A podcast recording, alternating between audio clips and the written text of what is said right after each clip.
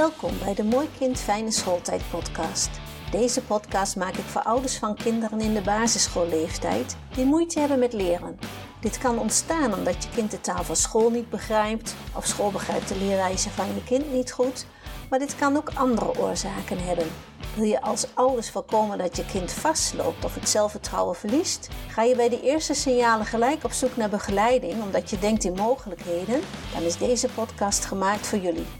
Want ik weet dat er nog heel veel mogelijkheden zijn voor je kind. Met deze podcast help ik jullie graag bij jullie zoektocht naar de beste ondersteuning. Ik ben het boek van Carla van Wensen aan het lezen. Deze heet Prachtig Lastig en het gaat over onbegrepen gedrag en gedragspatronen bij kinderen, maar dit kan je natuurlijk ook doortrekken naar volwassenen. Ze begint te vertellen dat ze in haar praktijk kinderen krijgt die wiebelkonten zijn, dromers, driftkikkers, moeilijke slapers en kinderen met autisme. Ook zijn er kinderen die ze niet eens aan mag kijken. Dit zijn ook kinderen die ik tegenkom.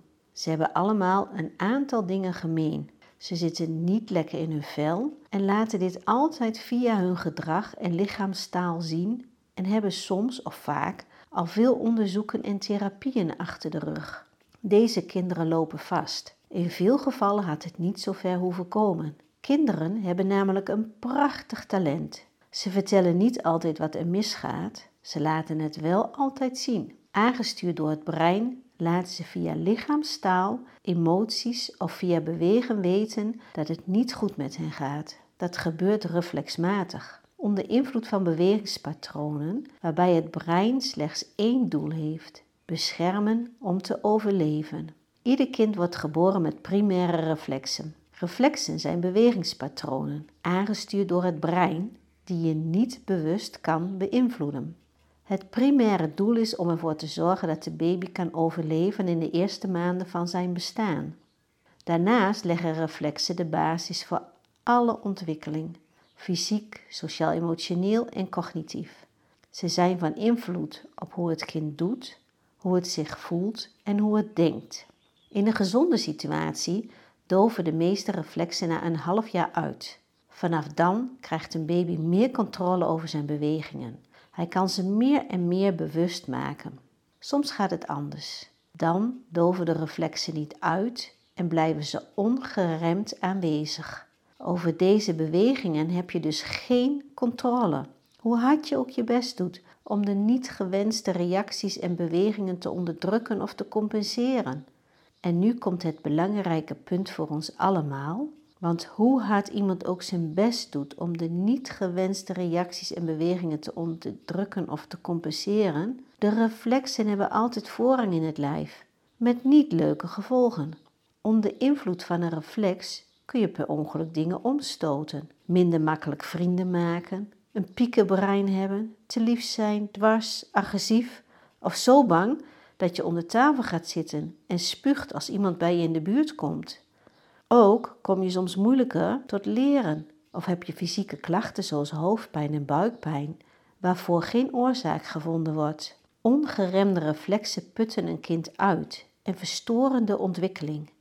De oorzaak van het niet uitdoven van de reflexen is veelal terug te voeren op fysieke of emotionele stress en het gemis aan basisveiligheid. De valkuil is dat er alleen hulp geboden wordt voor datgene wat er aan de buitenkant zichtbaar is.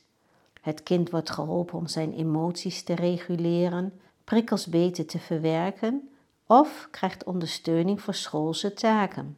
Vaak krijgen kinderen diagnoses als ADHD, ADD, PDD-NOS of wordt hun gedrag weggezet als lastig, niet begrepen gedrag waar ze wel overheen zullen groeien. Maar deze kinderen willen echt wel anders hoor, maar ze kunnen het niet. Deze kinderen hebben stress en reageren onder invloed van de reflexen en instinctief en intuïtief. Het is aan ons om te zien dat het niet goed gaat met hen en hen te ondersteunen. Prachtig lastig gaat over de onlosmakelijke verbinding tussen de ontwikkeling van het kinderbrein en het bewegen. Er wordt beschreven hoe je aan de manier van bewegen van het kind kunt zien waar het vastloopt, waarom het vastloopt en wat er nodig is om het makkelijker te maken voor het kind. Liefdevolle aanraking en beweging zijn hier van groot belang. Wat ik al eerder noemde is dat we er eigenlijk van uitgaan dat al deze processen gewoon goed verlopen. Of misschien geloof je niet in reflexen. Of heb je nog nooit bij stilgestaan dat ze erg belangrijk zijn. Dat kan ik me goed voorstellen, want ik had dit eerder ook niet. En ook ik dacht in vervelend gedrag bij zeer bewegelijke kinderen. Of kinderen die constant aandacht vragen, positief of negatief, als het maar aandacht is. En dan nog, het is niet altijd makkelijk als zo'n bewegelijk persoon van alles doet behalve dat wat jij graag wil. Om je talenten en vaardigheden te ontplooien en tot leren en of op school tot leren te komen, moet er heel wat gebeuren. Je brein moet zich ontwikkelen net zoals je lijf. Daarbij moeten die twee ook nog met elkaar kunnen samenwerken.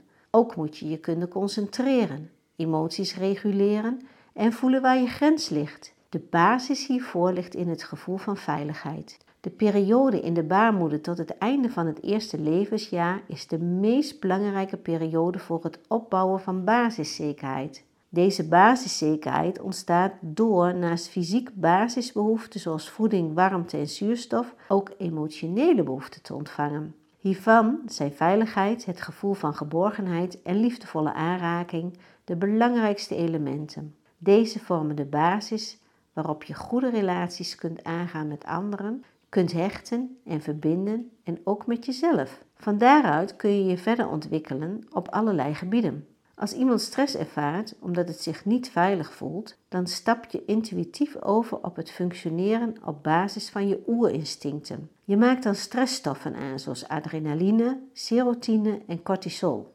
Adrenaline verhoogt de hartslag, waardoor het bloed sneller gaat stromen en er meer zuurstof wordt rondgepompt naar de spieren. Je ademhaling versnelt. Het zorgt ervoor dat je alert kunt reageren.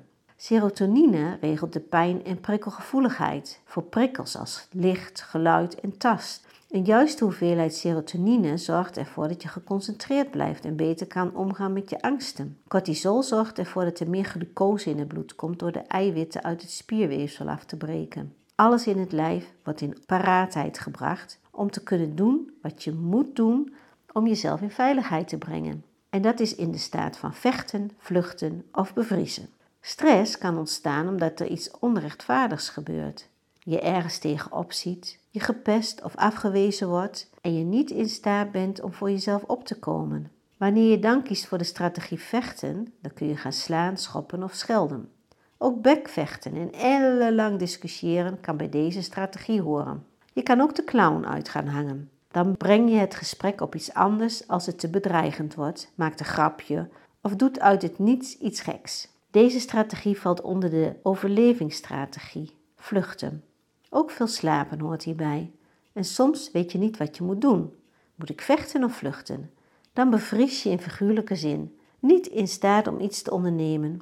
Men wordt stil en trekt zich terug. En hier komt een belangrijk stukje. Ik denk dat dit veel ouders en leerkrachten inzicht geeft in dat wat ze zelf hanteren in de kijk op kinderen en volwassenen. Ik heb dit zelf ook jaren zo gedaan. En nu denk ik vaak, die persoon kan er nu niets aan doen. En hoop ik dat ik daarmee aan de slag mag, zodat het brein en het lichaam weer in evenwicht kan komen. Bij mijzelf is dit uiteraard ook nog wel eens een uitdaging. Je natuurlijke reacties, zoals boven omschreven, doen het ook bij mij goed. Maar goed, even terug naar het boek. Waar ik het over had, heet Nature Nurture en gaat over de manier waarop de mens zich ontwikkelt en reageert als er gevaar is. Dit wordt echt al vele jaren onderzocht. Tot het einde van de jaren 90 ging men er vooral vanuit dat de ontwikkeling van het kind tot volwassene was voorgeprogrammeerd en vastlag in het brein. Het brein hoefde alleen nog maar tot rijping te komen. Door de verschillen in aanleg zouden er individuele verschillen bestaan. Dit noemde men de nature-theorie. Er is ook een nurture-theorie. Het uitgangspunt van deze theorie is dat de ontwikkeling van het kind bepaald wordt door zijn leerervaringen. Het kind ontwikkelt zich door te ervaren en door het aanleren en afleren van gedrag. Inmiddels weten we dat beide theorieën van invloed zijn, dat het een en-en situatie is. Hoe het kind zich ontwikkelt ligt niet bijvoorbeeld vast. Ook zijn er verschillen in de manier waarop kinderen en volwassenen met dreiging of gevaar omgaan. Omdat we mens zijn en allemaal een gelijksoortige brein hebben, komt de manier waarop we handelen voor een groot deel overeen. En toch zijn er verschillen. En dat heeft te maken met uiteenlopende factoren: leeftijd, karakter, Wat heeft het kind al meegemaakt? Hoe is dat toen verlopen? Hoe is de genetische aanleg? Hoe reageren zijn vader en moeder, opa en of oma in dit soort situaties? Wat heeft het kind van hen geleerd? Deze theorie is bekend geworden onder de naam Nature Nurture. Veel van deze podcast komt uit het boek van Carla van Wensen. Ze omschrijft het zo goed, dat kan ik zelf niet beter. Dus een stuk heb ik echt uit haar boek gehaald. Wil je het boek zelf lezen, heb je groot gelijk. Ik vind het een supergoed boek. En je realiseert weer zoveel, bijvoorbeeld dat we vaak oordelen op dat wat we zien. Maar kijken we daar doorheen, dan geeft het lichaam iets heel anders aan. Carla heeft ook een website en ze verzorgt ook cursussen. Ik hoop dat ik je enthousiast heb kunnen maken om de verdieping op te zoeken. Over twee weken wordt ook mijn kennis weer verder uitgebreid met twee cursussen. De eerste zal zijn School Readiness. Deze cursus zal gaan over dat reflexen het fundament vormen van onze ontwikkeling. Geïntegreerde reflexen zorgen dat er een stevige basis is, waardoor een kind zich goed kan concentreren op school, lekker in zijn vel zit en kan komen tot leren lezen, rekenen en schrijven. Deze basis wordt gelegd door te bewegen. Door te bewegen groeit en verstevigt ons neurale netwerk. Ik leer hierdoor met speelse beweegvormen de ontwikkeling van de kinderen te stimuleren, zodat de leervoorwaarden kunnen ontstaan. Herken je nou kinderen die friemelen en onhandig zijn, moeite hebben om door te blijven werken, kinderen die moeilijk kunnen luisteren, hyperactief zijn of juist weinig energie hebben, zich moeilijk kunnen concentreren, last hebben van driftbuien, moeite hebben met leren lezen, rekenen en of schrijven, dan weet je dat je met deze kinderen bij mij terecht kan. Ik heb al veel geleerd over reflexen, maar zal dus nog meer weten hoe ik bovenstaande problemen kan verhelpen of verminderen, middels een leuk, eenvoudig en speels beweegprogramma. Zodat een kind de juiste basis heeft om zich te kunnen concentreren, stilzitten en leren lezen, schrijven en rekenen. De week daarop volgt de cursus RMTI deel 3. RMTI level 3 gaat over het leren lezen en schrijven en vooral over alle visuele, auditieve en motorische vaardigheden die daarbij komen kijken. Het echte leerbrein. Ik leer hier om kinderen te helpen met uitdagingen op het gebied van leren, lezen en schrijven. Dit kan worden beïnvloed door verschillende factoren, zoals de ogen, visuele vaardigheden, en het vermogen om klanken te herkennen, auditieve vaardigheden en de motoriek. Ik leer om te herkennen waar het probleem zit en natuurlijk wat kan je eraan doen. Denk eens aan hoe complex de vaardigheid schrijven is. Dit vereist dat ons visueel perceptuele en motorische planningsvaardigheden allemaal samenwerken. Als dat niet voldoende gebeurt, kunnen er verschillende uitdagingen zijn. Het kind drukt te hard of niet hard genoeg tijdens het schrijven. Het kind heeft een verkeerde pengreep, veel spanning bij het schrijven. Je kan spanning in de schouder en de kaak zien. Tong uitsteken bij het schrijven. Het kind heeft goede verbale ideeën, maar kan zich niet schriftelijk uitdrukken vindt het moeilijk om te weten waar te beginnen op de lijn. En het schrijven kan netjes zijn, maar het gaat erg traag en moeizaam. En wat te denken van het leesproces?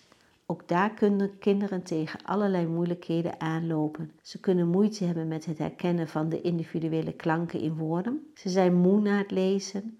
Het leestempo blijft achter. Ze maken veel fouten tijdens het lezen. En begrijpen wat er wordt gelezen is lastig. Dus straks weer meer vaardigheden om kinderen te kunnen begeleiden, met nog meer kennis om in te zetten. Ik kom er nog wel eens op terug en ik hoop op nog veel meer kinderen met al deze mooie handvaten verder te kunnen helpen. Tot de volgende keer. Bedankt voor het luisteren naar deze podcast. Wil je meer Mooi Kind Fijne Schooltijd podcasts beluisteren?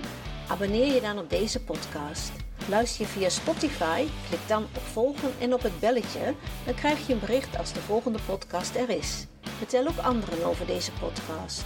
Heb je aanvullingen, ideeën of tips? Dan hoor ik dit graag. Je kan met me in contact komen via Instagram of LinkedIn. Een mail sturen kan ook. Stuur deze dan naar info.eigenleerweg.nl En natuurlijk mag je ook een review achterlaten. Heel graag tot de volgende aflevering.